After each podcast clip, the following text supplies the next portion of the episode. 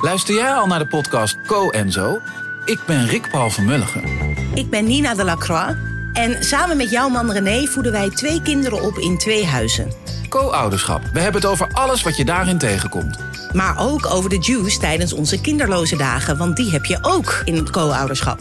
Een podcast voor alle ouders in alle vormen, maar ook voor alle mensen zonder kinderen. Zijn we eerlijk, heerlijk herkenbaar. Dus luister naar Co en Zo in je favoriete podcast-app.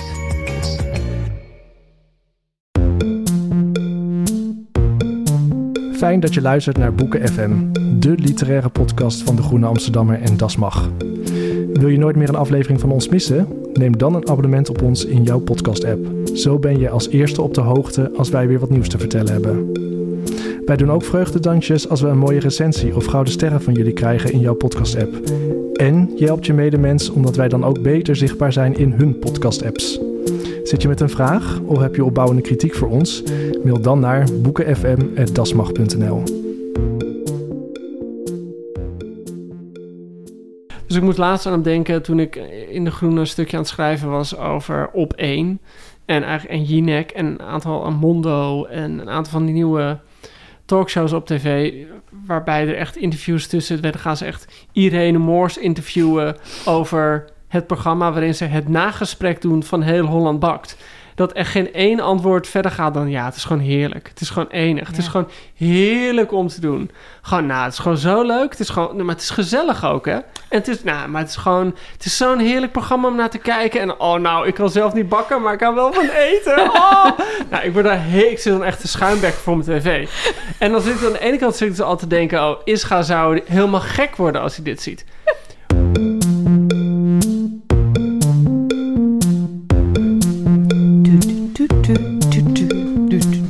Heb je administratie op orde, Ellen? Zeker Ja, weten, gaan we beginnen? Yes. 14 februari jongsleden was het 25 jaar geleden dat Ischa Meijer overleed. Op zijn verjaardag, slechts 52 jaar oud.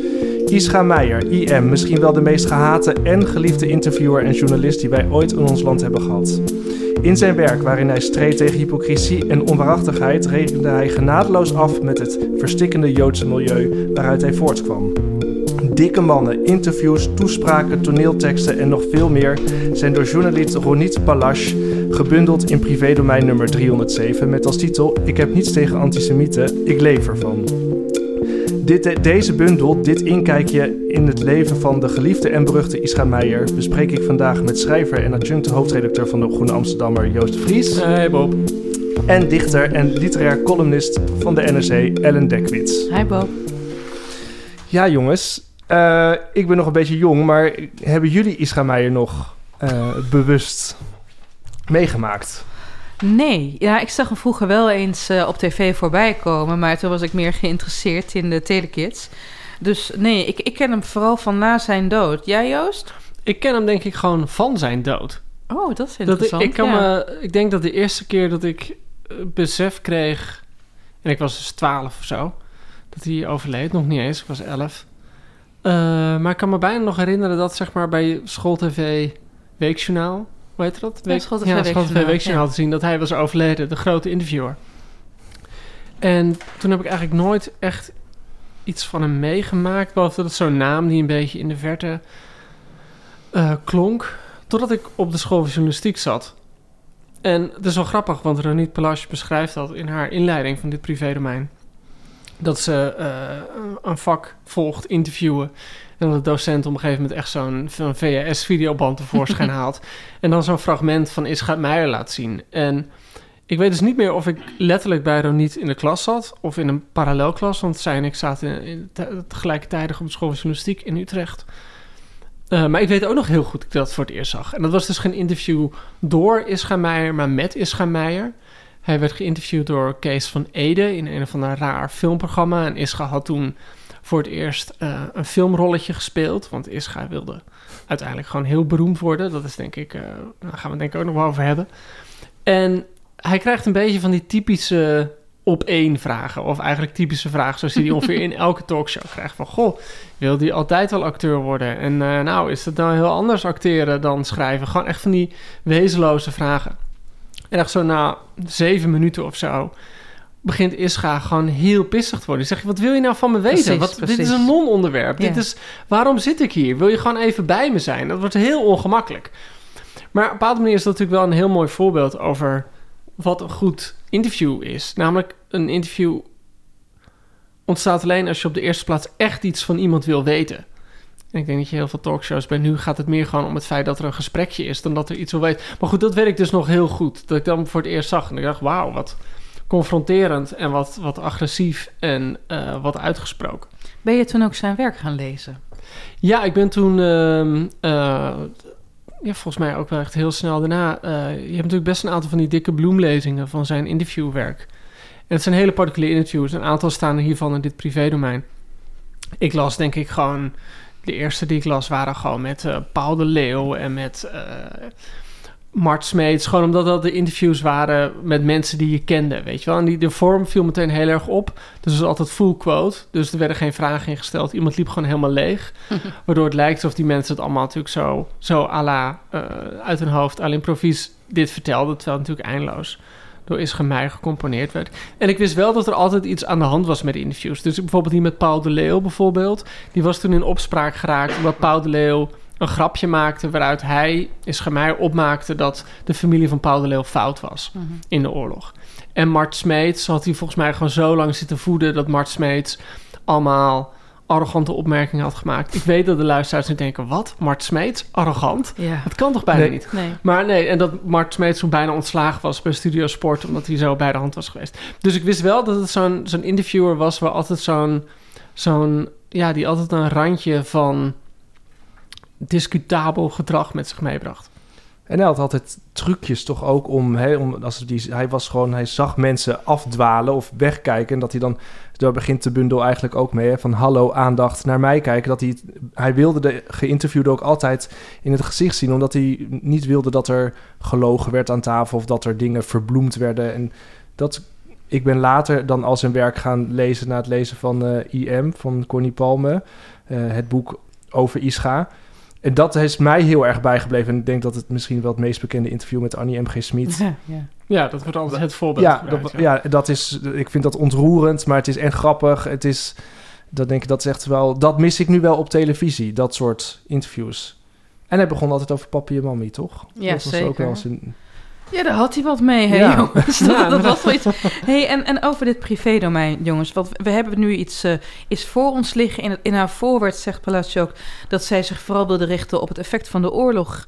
In het denken, in het leven, eh, in het schrijven van Meijer. En natuurlijk zijn jodendom en zo. En het is misschien handig voor de lezer die dit boek nog niet heeft gelezen. Het is een soort eh, ja, bloemlezing geworden, hè? Als ik dat goed bekijk. ja, het is een bundel van zijn, eh, van zijn stukken. Er staan eh, de dikke mannen, de, de, de column die hij had in het Parool en eh, de NRC eh, staan er een groot deel van staat erin. In ieder geval de dikke mannen die allemaal gaan over het Joods zijn, want dat was de insteek van Roniet. Maar er staan interviews inderdaad in, er staan speeches in, er staan ja dus lezingen allemaal in. interviews met prominente Joodse Ja, schrijvers en intellectuelen. eh, Er staan lezingen in. Lezingen, de Caveman-lezing, de Multatuli-lezing komen zo meteen nog op.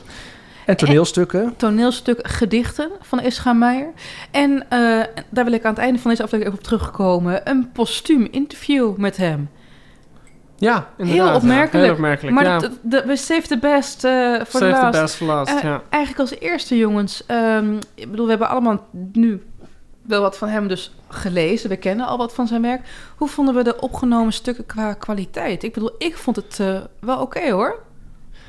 Ik, wat ik met het meeste plezier heb gelezen, en dan spring ik natuurlijk meteen toe naar wat je het beste vond. Maar het begon met eh, kort maar krachtige jeugdherinneringen.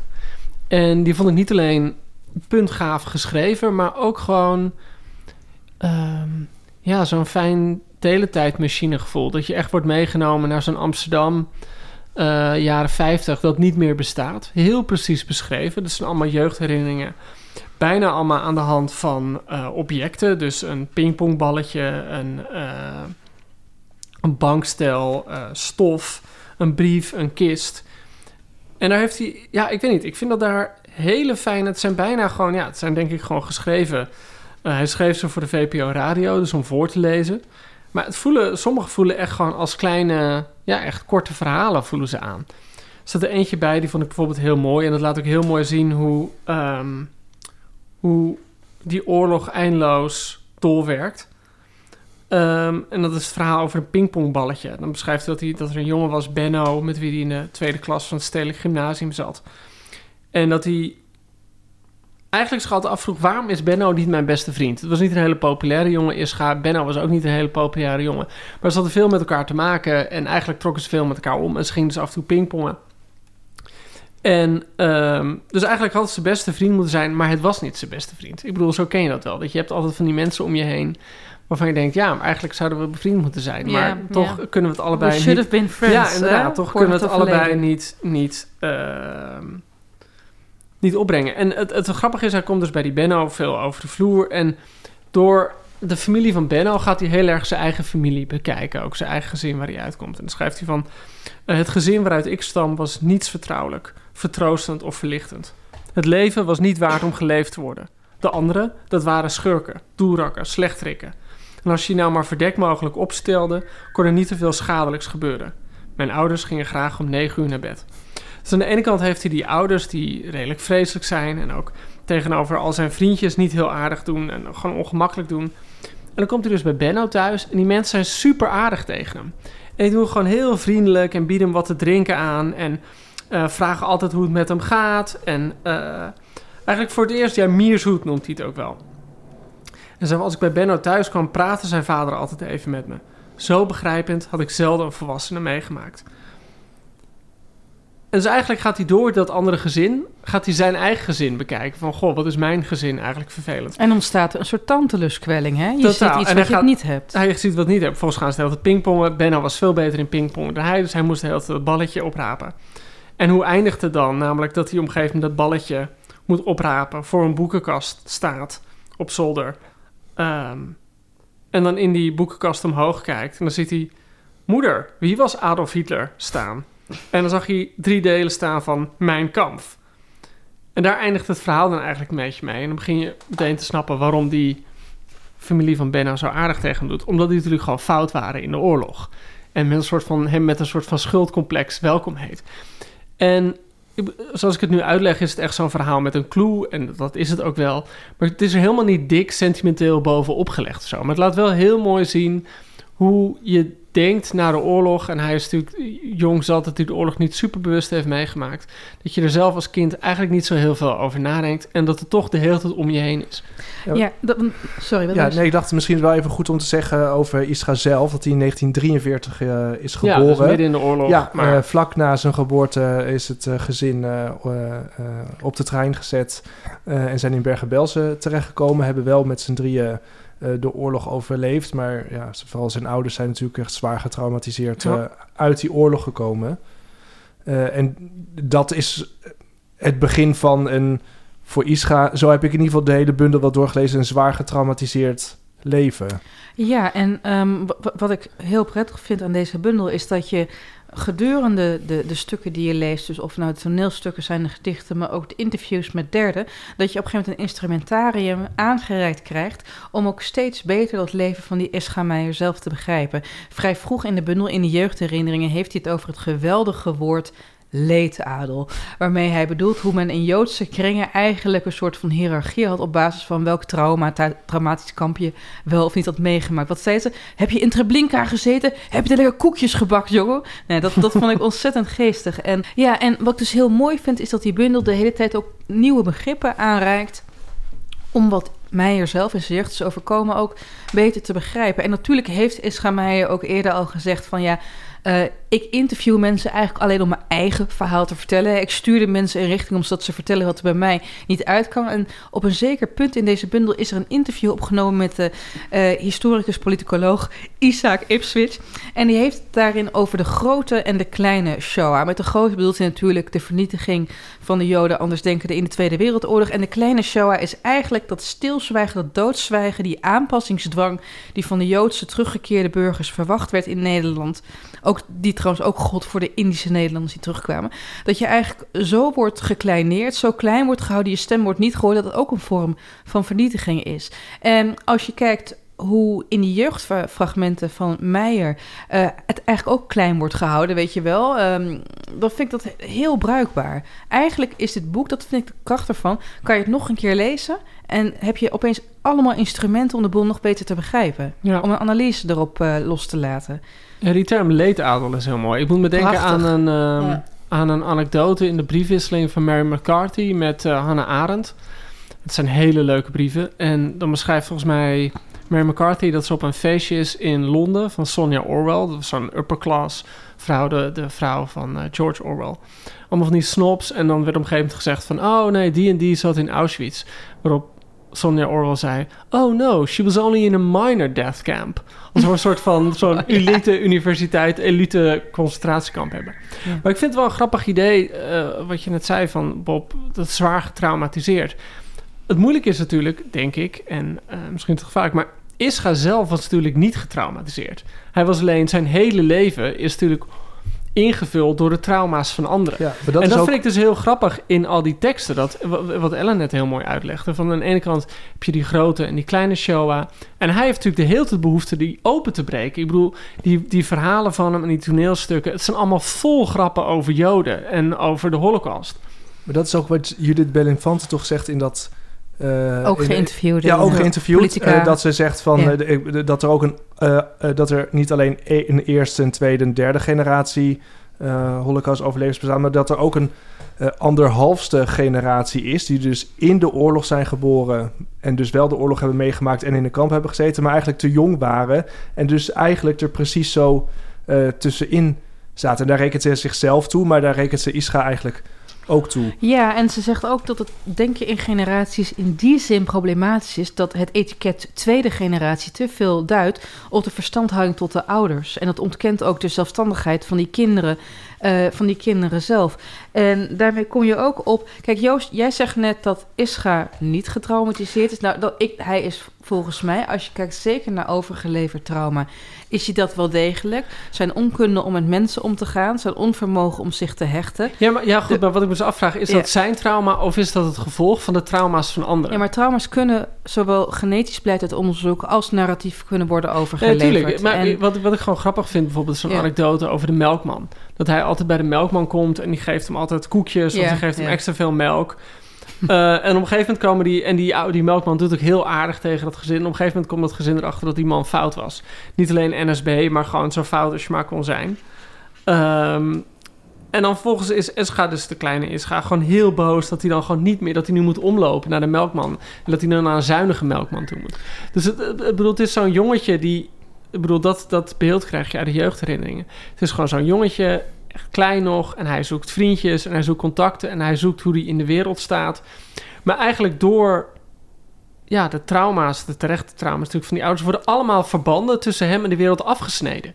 Ja, en niet alleen door het trauma van de ouders, maar ook door het feit dat na de Tweede Wereldoorlog ze eigenlijk in een heel gesloten Joods milieu in Amsterdam-Zuid terechtkwamen. Ja, Dan zaten ze daar allemaal op school met, met halve oorlogswezen, maar ook met de docenten die half verknipt waren door de dingen die ze in de oorlog hadden meegemaakt. En zo krijg je wel degelijk een doorgegeven trauma en inderdaad ook het gevoel dat je heel erg Joods bent en dat je niet mag bestaan eh, daarin. Ja, ik vind het wel grappig, want hij heeft dan die, die anekdote over die rare die school die die Ja. eh, vol met Joden. Eh, die school is kort na de oorlog opgericht. En dan beschrijft hij, daar eindigt die, die, jeugdherinnering mee.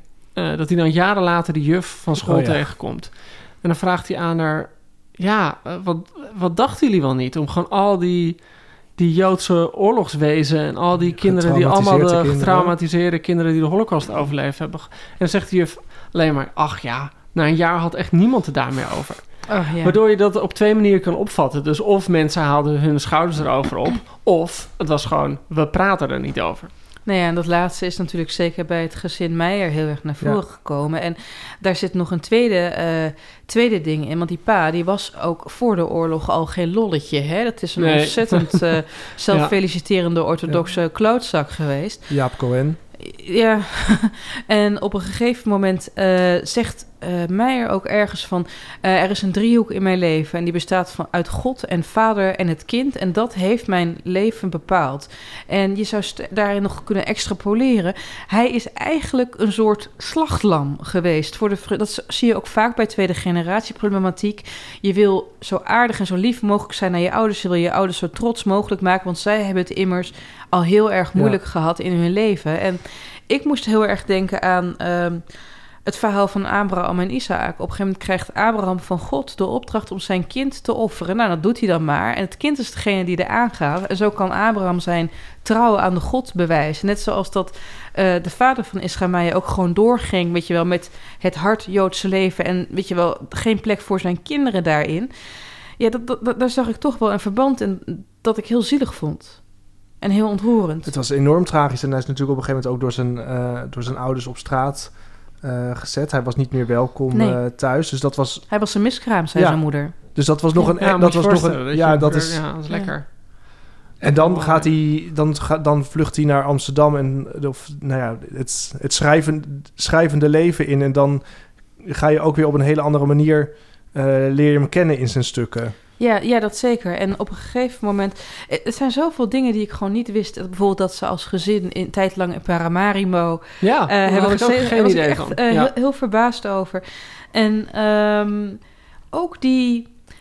De, ruimte die Meijer ook in het boek heeft geboden... aan de andere kant van het verhaal. Hij, hij heeft ook namelijk getuigenissen opgenomen... van kindertjes die dan in de Tweede Wereldoorlog ondergedoken zaten. En nou ja, moet je je voorstellen, waren de ouders waren opgepakt... maar die overleefden dan toevallig en gelukkig wel het kamp. En na de oorlog staat er opeens getra- zwaar getraumatiseerd echtpaar... En die nemen die kinderen mee terug naar huis... terwijl die kinderen liever bij hun onderduikouders waren gebleven... wat voor die kinderen weer een soort van hechtingstrauma veroorzaakt. En hij toont allerlei kanten. Kijk, ehm, vanuit zeker Hollywood... daar haat hij op een gegeven moment verderop... in deze compilatie ook nog wel heel erg op. Er wordt een soort van hoera-verhaal verteld... zeker in de vroege Hollywood-films over de Tweede Wereldoorlog... van nou, we hebben het overleefd en het was vreselijk... maar nu kunnen we weer door. Terwijl voor heel veel mensen de problemen pas echt begonnen. Juist ook Ja, voor de ja. tweede generatie. Dus, eh, dus dat. Ja, het heeft mij heel veel geleerd, dit boek. ehm, over hoe ontzettend divers het leed is dat door die oorlog is ontstaan. Maar ook hoe divers het jodendom is. Hè? Orthodox versus seculier. Ehm, hoe heftig het is als je een identiteit van buitenaf toebedeeld krijgt. Ook al kom je uit zo'n soort familie. En ook eh, het de verschillende manieren waarop mensen met elkaar zijn omgegaan. Op een gegeven moment, volgens mij is dat met het interview met Hans Knoop. Dan eh, vertelt Hans Knoop van ja, wij kwamen uit een armere klasse, een armere jodenklasse. Wij waren Jidden, eh, geen Joden. En van mijn klasse heeft bijna niemand het gered in de Tweede Wereldoorlog. Want we hadden geen geld. Wij werden als eerste gedeporteerd. Dus er was ook zeker een soort vriendjespolitiek. En geld maakte wel degelijk uit in je kans op overleven in de oorlog. En er waren gewoon heel veel dingen die ontzettend schrijnend waren. Ja, maar toch heb ik het niet alleen gelezen als een... Ik, ik heb het best wel gelezen, laat ik het zo zeggen. Ik heb het wel gelezen als een vrolijk boek. Ik bedoel, het is natuurlijk pijnlijk op een bepaalde manier. Maar het staat vol gewoon... Ik bedoel, hij is ook een man die niet in staat is om een alinea te schrijven... zonder een grap erin te doen. Nee. Ik heb Of gewoon een hele scherpe formulering of een rake observatie. Ik bedoel, het is wel echt het werk van een hele scherpe, actieve geest. Eh, en, en stilistisch ook, moet ik eerlijk zeggen, er staan echt stukken in die ik steen en steen goed geschreven vond. Ja, mee eens. Want ik had eerder Ja. ook wel stukken van Meijer gelezen... en andere compilaties die ik niet echt sterk, niet Nee. literair vond. Maar zeker de humor. Dan heeft hij het op een gegeven moment over... eh, God, Ans Nieuwbouw kan dat? Of Ans Nieuwkoop? Ja, Annette Nieuwbouw. Er kwamen wel heel veel namen voorbij die, echt, eh, die ik even moest van, opzoeken, hè? zeg maar. Ja, maar ja, Annette tuurlijk. Nieuwbouw, die noemt hij dan de draagster van het Theoman Bouwmeester Pessarium tegen artistieke bevruchting. Nou, dan moet ik echt even een kwartiertje aan de beademing hoor. En hij is zo lollig. Op een zeker moment heeft hij eh, een heel stuk over Jos Brink geschreven. En daar vertelt iemand het verhaal over Jezus die voor een derde keer terugkomt op aarde. Dat is het toneelstuk, Ja, toch? toneelstuk. Ja, ja. En dan s- zijn er terzijde, dus dan schrijft Meijer over Jezus. Ja, dat is nou typisch Jezus. Gevat, maar een tikkeltje ordinair. En, verder, en verderop, want ook dat is typisch Jezus. Altijd de lul, maar tevens ietsie pietsie aan de rancuneuze kant. en zijn, zijn stijl en zijn, het, filijnen, het filijnen erin doet me soms denken aan de beste stukken die ik op geen stijl heb mogen lezen. maar, jij, maar, jij zei eerder over een stuk van, van uh, voor de uitzending, zei je van het is een soort groot inquisiteur, weet je wel, in uh, Dit, Misdaad de Straf. Ja, dat stuk van Jos... Nee, de gebroeders Karamazov. Ja, Karamazov, ja, ja, ja, ja, ja. dat, dat vond ik ook heel grappig. Dus als die Jezus terugkomt, dan proef je ook eigenlijk, kijk, uh, oké, okay, beste luisteraars, op een gegeven moment heb je Dostoevsky, die schreef uh, de gebroeders Karamazov, en hij wordt op een gegeven moment door een halve heilige man een, een, verhaal verteld dat tijdens de Spaanse Inquisitie Jezus terug op aarde kwam en uh, die wordt helemaal klemgeluld door een, door een grote inquisiteur. Ja, en dan zegt hij, hé, wat vind je daar nou van, hè, nu ik alles over het geloof heb ge gezegd? En dan geeft Jezus hem als antwoord een kus. Weet je wel, ja. dat is een heel beroemd stuk. En hier is Jezus gewoon, ja, wraakbelust, maar telkens ook net op la te laat erbij. Ja. En dat vond ik echt uh, heel grappig. En er zitten zulke grappige dingen. En zegt hij verderop in dat stuk ook... Joods zijn is net een geslachtsziekte. Zoiets als herpes. Je kan het niet meteen zien, maar het is wel verdomd besmettelijk. Moeten jullie niet heel vaak aan Grunberg denken? Ik vond dat er zoveel van dat soort one-liners in zaten. Ik bedoel, misschien is het een beetje makkelijk hoor... om die twee zo bij elkaar te schrijven... omdat ze natuurlijk heel erg uit hetzelfde milieu kwamen. Maar voor mij zat er zoveel van dat soort one-liners in. En zoveel dat... dat ja, die... Uh, die gekke spanning van niet over oorlog praten. Uh, aan de ene kant jezelf bijzonder voelen, want je hoort tot een bepaalde gemeenschap. Aan de andere kant enorm zelf van binnenuit die, die, die gemeenschap ge, uh, belachelijk maken. Aan de ene kant medelijden hebben met wat je allemaal hebt meegemaakt. Aan de andere kant daar ook een soort... Ik bedoel, qua thematiek deed me soms... En, en, maar niet alleen qua thematiek, maar vooral eigenlijk in die bepaalde humor... deed me echt heel veel aan de vroege Grunberg. Ja, dat, dat is evident. Vooral bij de dikke man vond ik inderdaad dat ik af en toe wel eens dacht... oh, dit zouden personages in de romans van Grunberg ook wel kunnen zeggen. Maar ook uh, Celine. Daar moest ik qua Franco humor ook een aantal keer aan denken. En ook qua, qua um, gemeenheid af en toe Nico Dijkshoorn. Ja, ja, ja, grappig is dat. Ja. Ik moet wel zeggen, sommige van die toneelstukken... er zijn best wel wat toneelstukjes opgevoerd. Ik vond soms ook wel een beetje... Uh, ik zal niet zeggen gedateerd... maar wel soms een beetje dat ik denk ja, net iets te flauw, net iets te veel flauwe woordgrapjes. Ja. Maar dat, wat dat betreft geen, stijlerig, uh, geen stijlerige woordgrapjes of zo. Nou, dat vind ik niet trouwens zo, uh, uh, zijn synoniem met geen stijl. Want ik vind, ik vind dat er af en toe echt hele goede dingen qua, qua stijl dan. dus het maakt zijn naam niet waar op verschijnen. Maar... Um, Misschien dat we ook dan nu even kunnen doorschuiven naar iets wat. Wat, wat, wat, want, want volgens mij zijn we best wel enthousiast over een aantal componenten van dit boek. Hoe het het naoorlogse jodendom heel erg invoelbaar maakt. Ook de morele ambiguïteit van hoe je je tot een samenleving die de boel doodzwijgt. Hoe je daar zelf onder assimilatiedwang haast ook in mee wil gaan. Uh, kijk, dit, dit in het voorwoord zegt de samenstelster dat dit een soort van ja, best of stukken die hij over het Joods zijn, over de oorlogsdoorwerking heeft geschreven. En um, wat ik daar heel fijn aan vond, het komt rauw op je dak. Het wordt er echt ingehamerd, ook door de herhaling. Het verveelt echt nooit. Um, maar wat mij wel stoorde, is dat ze soms bijvoorbeeld uit de toneelstukken een fragment heeft ja, gehaald. Ja. Of uit oh, de interviews ook. Uit de interviews. En kijk, zeker, er is één, er is één interview wat af en toe heel erg afwijkt dat het niet helemaal meer over het Jodendom gaat. Dat is het interview met dichteres Judith Hertzberg. Daarin heeft ze op een zeker moment ook hoe zij zelf haar toneelteksten schrijft. En hoe psychoanalyse, het bekijken van de geest zich daartoe verhoudt. En dat vond ik zo'n interessant interview. Ook hoe het uh, door die andere, andere thema's aan te roeren, het makerschap, die kon je zelf verbinden met wat Judith Herzberg zelf in dat interview met over haar Joods zijn schreef. En ik vond echt een gemis in dit boek dat er maar fragmenten uit die interviews zijn opgenomen. Maar had je hem dan liever, want het is een best flinke bundel, had je hem dan liever nog dikker gezien? Ik of had je hem wel- nog dikker gezien. Of die ook nog dikke, wat, dikke had, er, had, had er ook nog wat uitgekund, denk je? Nou, ja, er had wel eigenlijk één ding uitgekund. Maar ik weet niet of we daar nu al naartoe moeten gaan. Ik had hem liever niet nog dikker gehad, want dat is het probleem van het privédomein. Het zijn van die hele chique boekjes. Voor de mensen die ze niet voor zich zien. Het soort bestaat al 30 telefoonboek. jaar. Ja. Dat is een hele mooie witte dunne kaft. Alleen uh, gewoon, die boeken zijn altijd dik. En als je de, de kaft ook maar een klein beetje Dan breekt hij. doorbruikt, dan, dan echt alsof je zo'n, zeg maar, een kuikentje ergens vandaan haalt en zo, zo die Joost? nek. eh. Dat kan echt niet meer. ik zei ook niet dat, dat, dat je dat moet doen. Ik zeg alleen, zo voelt het aan. Eh, Eh, volgens mij ben ik ja. gered door de bel. Ja. Lieve Ellen, Bob en Joost. Ik lees eigenlijk alleen boeken in het Engels en Nederlands. Mijn VWO Frans is niet echt om over naar huis te schrijven. En met Duits en Spaans kwam ik toch al niet veel verder dan wat broodnodige vakantiezinnetjes. Voor anderstalige boeken ben ik dus vooral afhankelijk van goede en toegankelijke vertalingen. Soms in het Nederlands, maar meestal in het Engels. Zo heb ik door The Ice Palace de Noorse schrijver Vessaas ontdekt. Gelukkig is dit prachtige boek inmiddels ook in een Nederlandse vertaling beschikbaar, maar dit zette mij aan het denken. Welke anderstalige boeken zouden volgens jullie dringend, tussen haakjes al dan niet opnieuw, vertaald en op de Nederlandse markt gebracht moeten worden?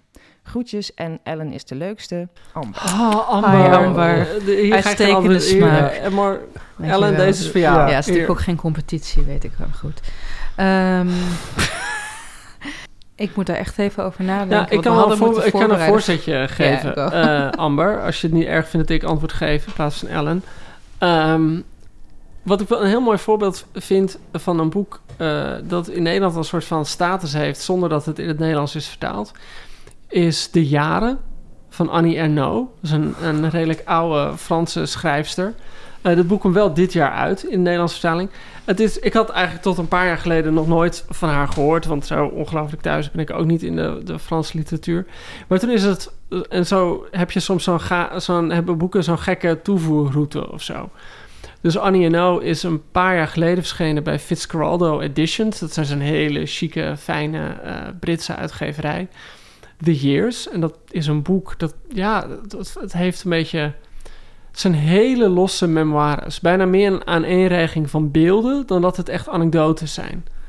En dan bestrijkt ze echt 60 jaar. En je krijgt een hele vrouwgeschiedenis mee. En je krijgt eigenlijk de hele verwerking van de oorlog mee.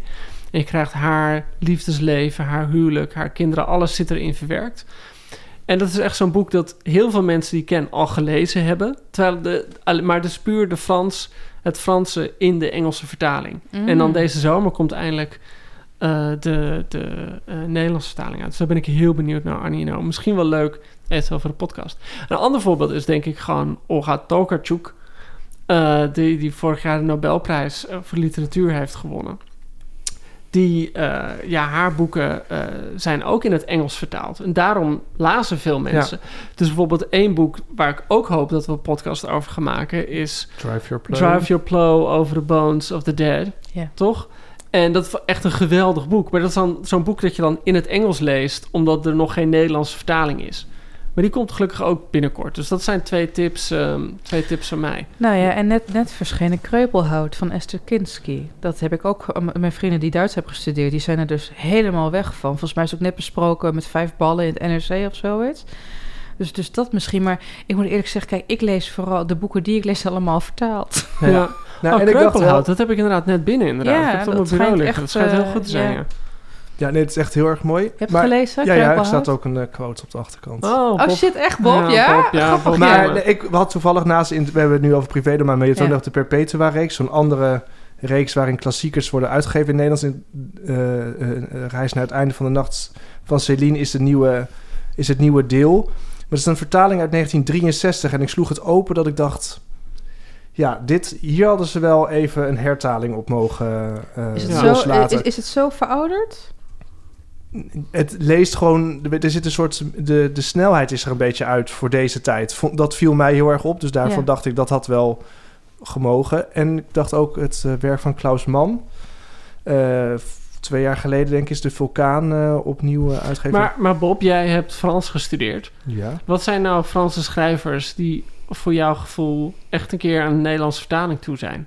Annie Ernaux. Ik denk dat dat een van de echt een schrijfster is die echt een heel erg groot publiek eh, verdient, ook eh, eh, buiten, buiten Frankrijk.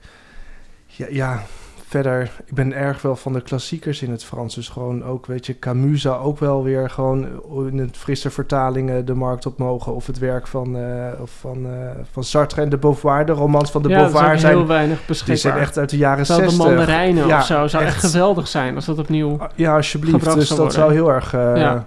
En poëzie, jongens, want Ja. Oosip Mandelstam is niet meer in het Nederlands verkrijgbaar. Of iemand als Apollinaire. Of... Ja, ja, ik zou Mandelstam, daar zou ik echt geld voor over hebben... als dat weer even fatsoenlijk vertaald kon worden naar het Nederlands. Ik bedoel, we hebben het in het Engels wel, maar ja...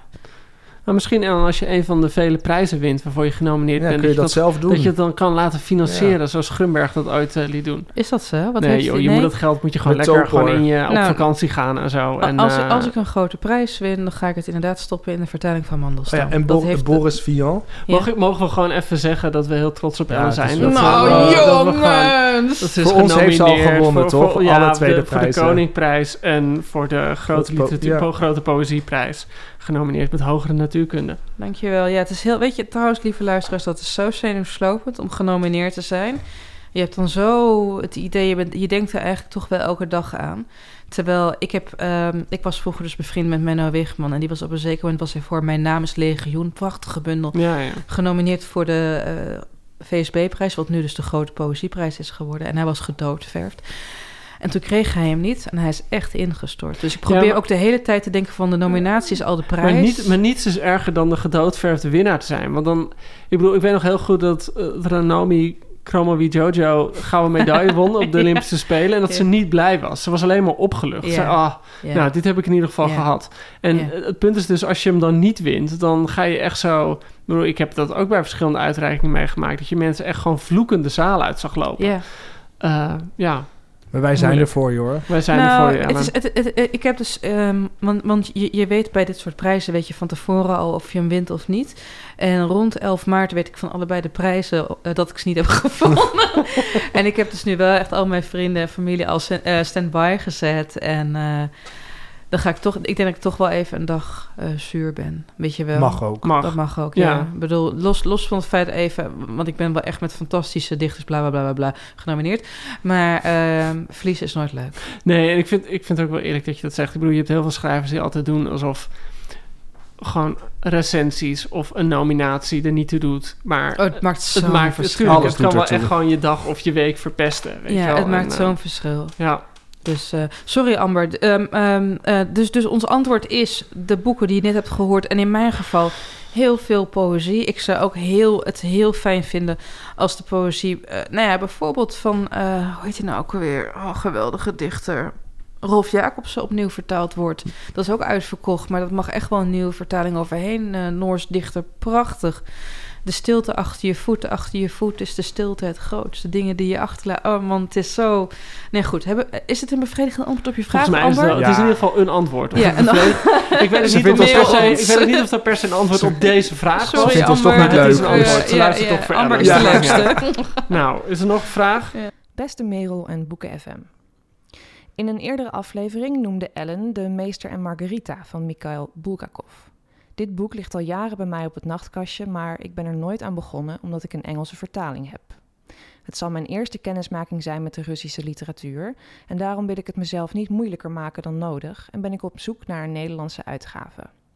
Bij deze zoektocht naar een tussen haakjes tweedehands exemplaar ontdekte ik dat er veel uitgaven gecensureerd zijn geweest en dat sommige vertalingen van mindere kwaliteit zijn. Nu wil ik graag van jullie een advies over welke Nederlandse vertaling ik moet lezen voor de beste leeservaring.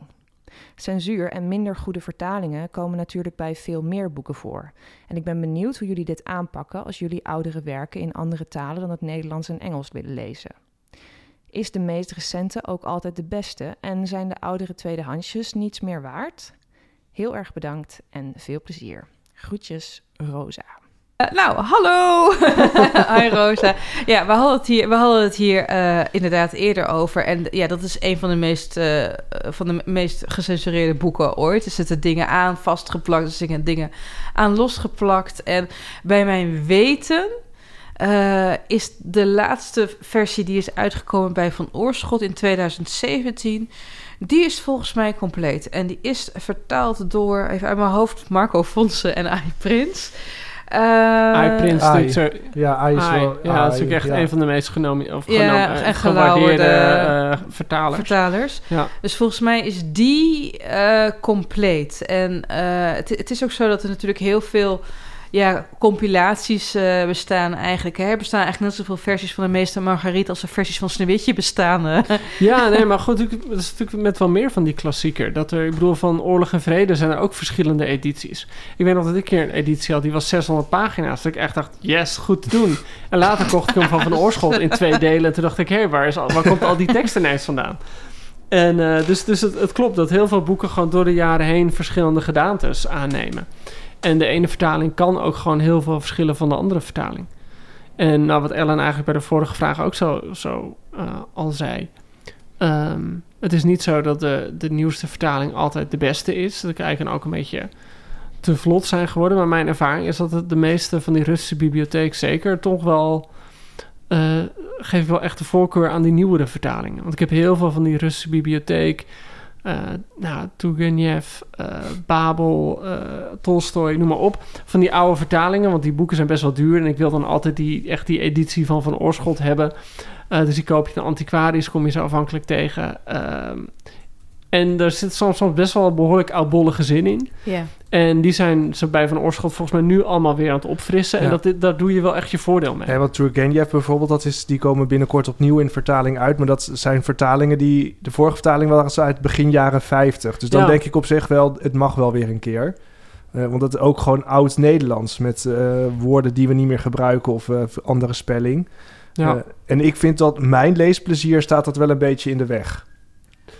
Ja. Nou, en weet je wat dus echt heel tof vertaald is? En daar zijn mensen enorm over gevallen. Eh, riskante relaties of brieven van Godele de Lacroix, oftewel Le, le Liaison dangereux, Ja. in Frans echt om te janken. Vertaald door Martin de Haan.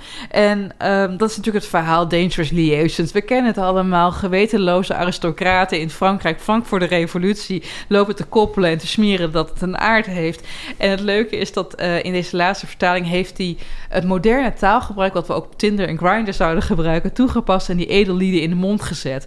Dus dan zegt op een gegeven moment een vicomte, zegt, ik heb hem onlangs nog gedumpt. Of, met wie ben jij nou aan het daten? En er was vooraf was er heel veel commentaar op dat hij dit zo heeft aangepakt, maar het vergt fantastisch. Het is echt... ik heb, hem, ik heb echt het boek al heel lang liggen. Dus ik ga binnenkort op vakantie. En dan...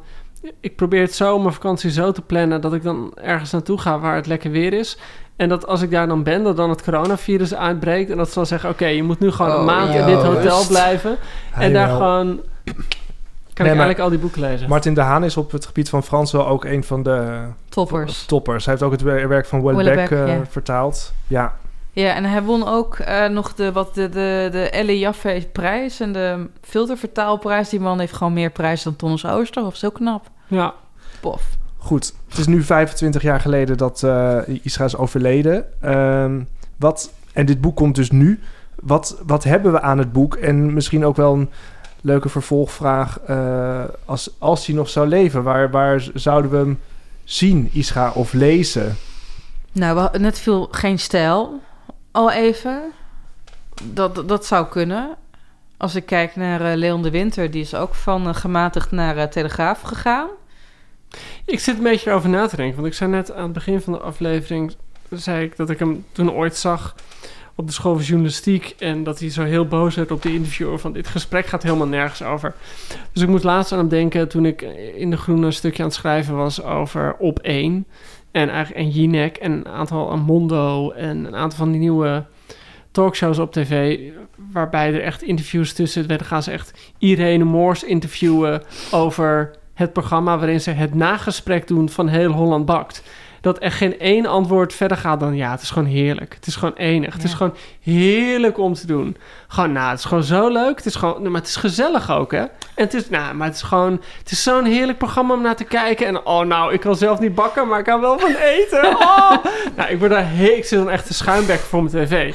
En dan zit ik aan de ene kant zit ik dus altijd te denken, oh, Isga zou helemaal gek worden als hij dit ziet. Maar aan de andere kant, eh, ik bedoel, er zijn ook een aantal andere boeken over Ischa verschenen. Er is natuurlijk een soort biografie van hem verschenen. Gijs Groenteman heeft een eh, oral history gemaakt. Het was ook iemand die heel graag beroemd wilde worden. Ja. Dus ik Aandacht denk, ook. ik denk, ja, hij was gek op aandacht. Dus ik denk dat in plaats van dat hij eh, in het, het medialandschap van nu eh, woedend over de lege hoofdigheid zou zijn. Ik denk dat hij gewoon erin mee zou draaien. Ik denk dat hij ook op één zou zitten. Bij op één zou zitten. Of sterker nog, ik denk dat hij gewoon bij RTL Boulevard zou zitten. Ik bedoel, het was ook iemand die heel erg van relletjes hield. Die heel erg van mensen belachelijk maken hield. Dus nou, jij zei geen stijl. Zou ook heel Ja, goed Jij kunnen. zei Ranking the Stars. Ranking the Stars, Oh, zou ja. ik voor de uitzending nooit citeren wat ik voor de uitzending zet, Bob. Dat is levensgevaarlijk. Nee, eh, rankings, ik zie hem gewoon overal bij aanschuiven eigenlijk. Maar ik denk wel dat hij dan ook nog gewoon een goed radioprogramma zou hebben. Waar toch misschien wel het, zijn hart het meest lag. En gewoon een interviewprogramma op de radio. Naast dat hij overal op iedere zender als je aan het zeppen was, zou je hem honderd keer tegenkomen. Dat denk ik ook. Maar ik denk dat hij ook nog wel... Ja. Zijn hart lag wel echt bij het interview. Dat zou hij wel blijven doen, denk nou, ik. Wat, wat ik wel echt mooi vind, kijk, in die zin, wat hebben we nu aan het boek? Ehm, nou, het gaat natuurlijk over antisemitisme, daar kunnen we het zo nog even over hebben. Ik vind ook gewoon een klein monument en een mooi tijdsbeeld van hoe er ooit werd geïnterviewd. Want ik vind wel die interviews die erin staan, wat ik er heel bijzonder aan vind, het zijn hele menselijke verhalen. Maar het zijn ook verhalen die ook gaan over kunst en over cultuur en over politiek en hoe we met de geschiedenis omgaan en hoe we in de samenleving staan. En ik wil niet nu een soort van eh, cultuurcriticus cult- of, of, of, cultuurpessimist uithangen. Maar ik bedoel, als ik deze interviews lees en ik vergelijk ze met heel veel andere interviews die je nu in de krant leest, waarin het alleen nog over het menselijke gaat en wat je echt denkt van, goh, zijn dit mensen die ook wel zo'n boek lezen? Zijn deze boeken wel echt een verademing, of deze interviews vind ik wel echt een verademing. En het is echt jammer dat, eh, het, wat, wat Ellen al zei, ik vind het wel jammer dat het gewoon zoveel fragmenten zijn. Je zou liever het geheel hebben, dan weet je nog beter hoe het is ingebed. Ehm, maar gewoon als tijdsdocument vind ik, vind ik dit boek wel heel waardevol ook.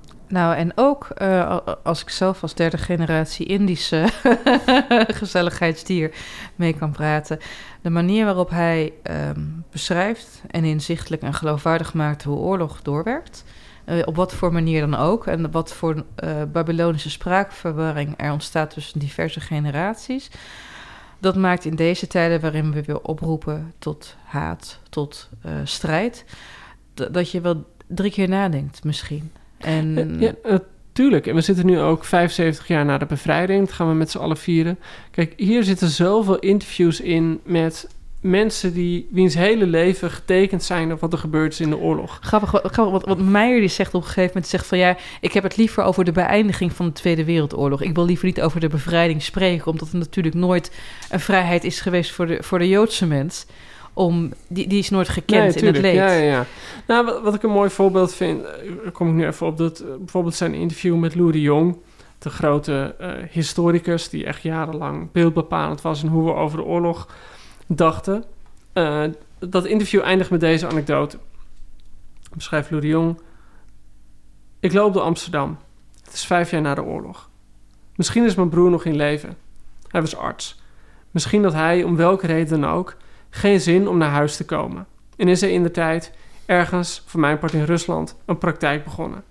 Ik loop door Amsterdam. Ik zie hem staan. Of hij komt ineens in de verte om een hoek. Ik ga op hem toe, ik ga op hem toe maar hij is het niet. En dat vind ik echt het mooie van al deze interviews achter elkaar, ook al zijn het fragmenten. Ze laten zien hoe mensen in het leven staan die iets gigantisch hebben meegemaakt en toch maar gewoon door moeten in die wereld. En toch maar gewoon in die stad blijven wonen waar het allemaal gebeurd is.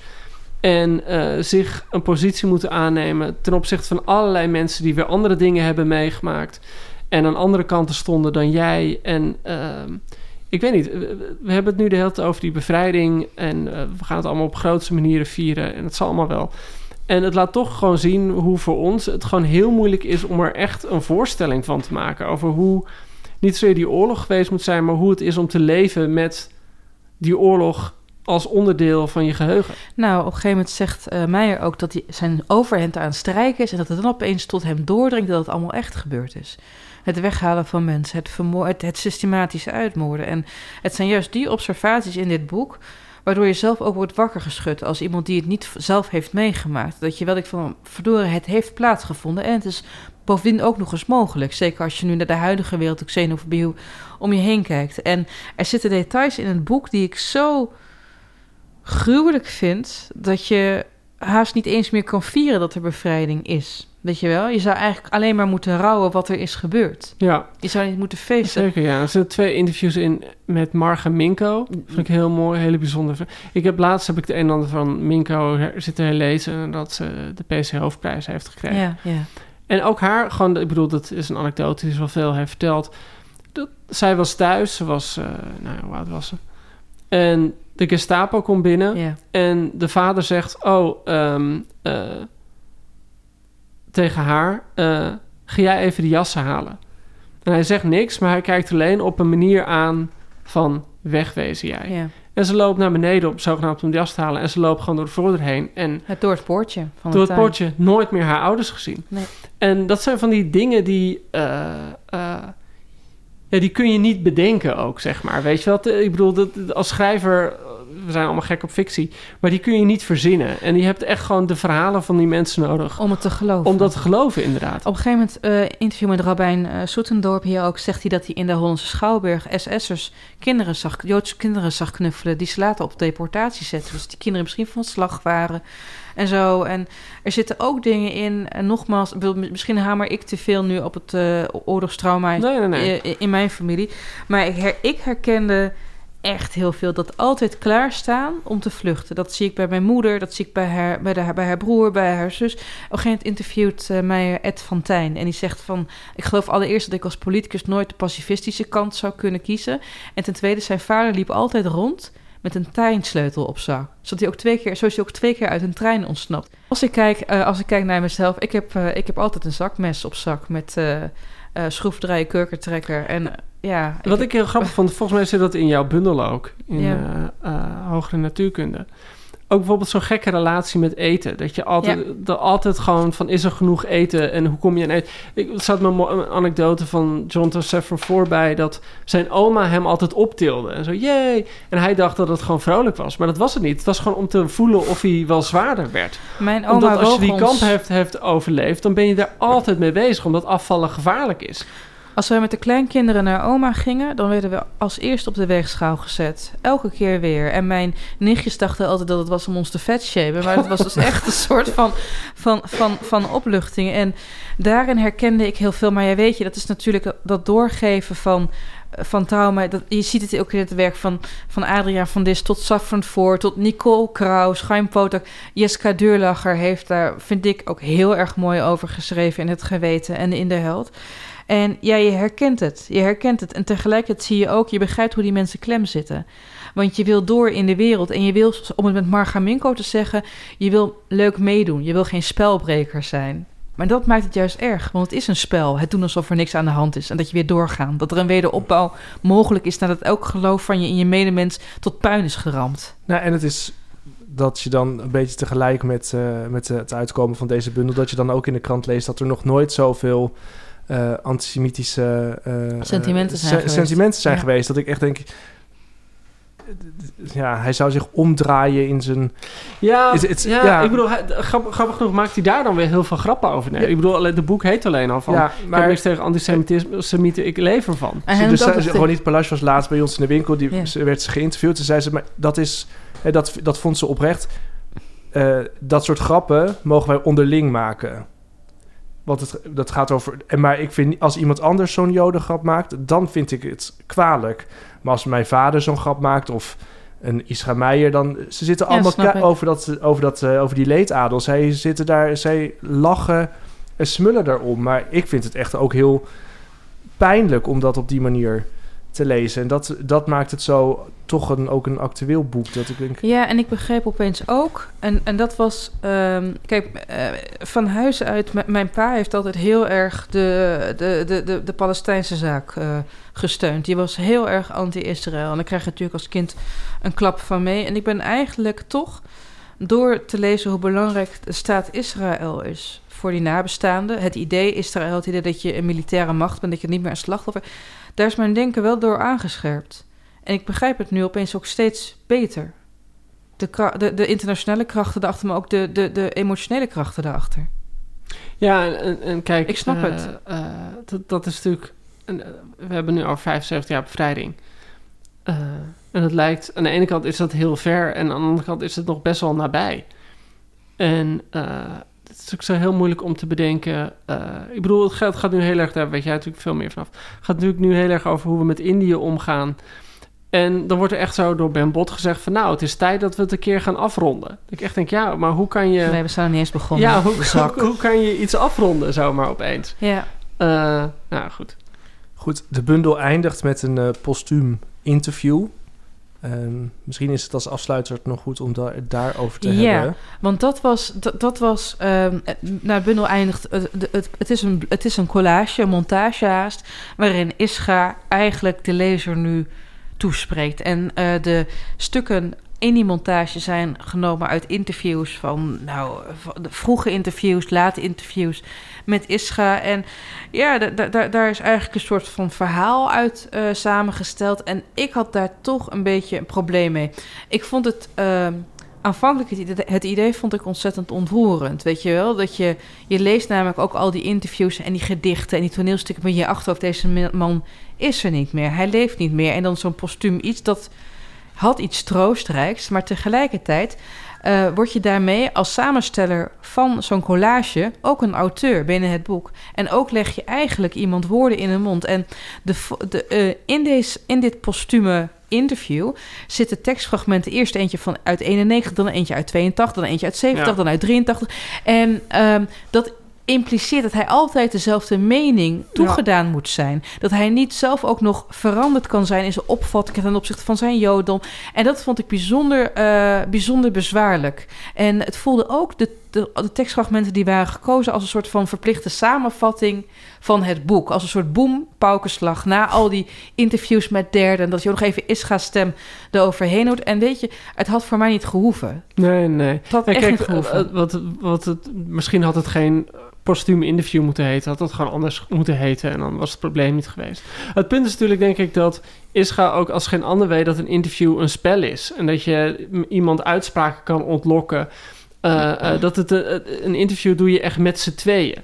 En op deze manier ja, is Ischa geen tegenkracht. Je kan gewoon verzamelen wat je wil. En ik bedoel, had je hem op één moment gesproken... dan had je te maken met zijn humeur van die dag... zijn gesteldheid van die dag... het project waar hij middenin zat... dan krijg je een ander mens voor je. Ja, ja, goed gezegd. Ja, inderdaad.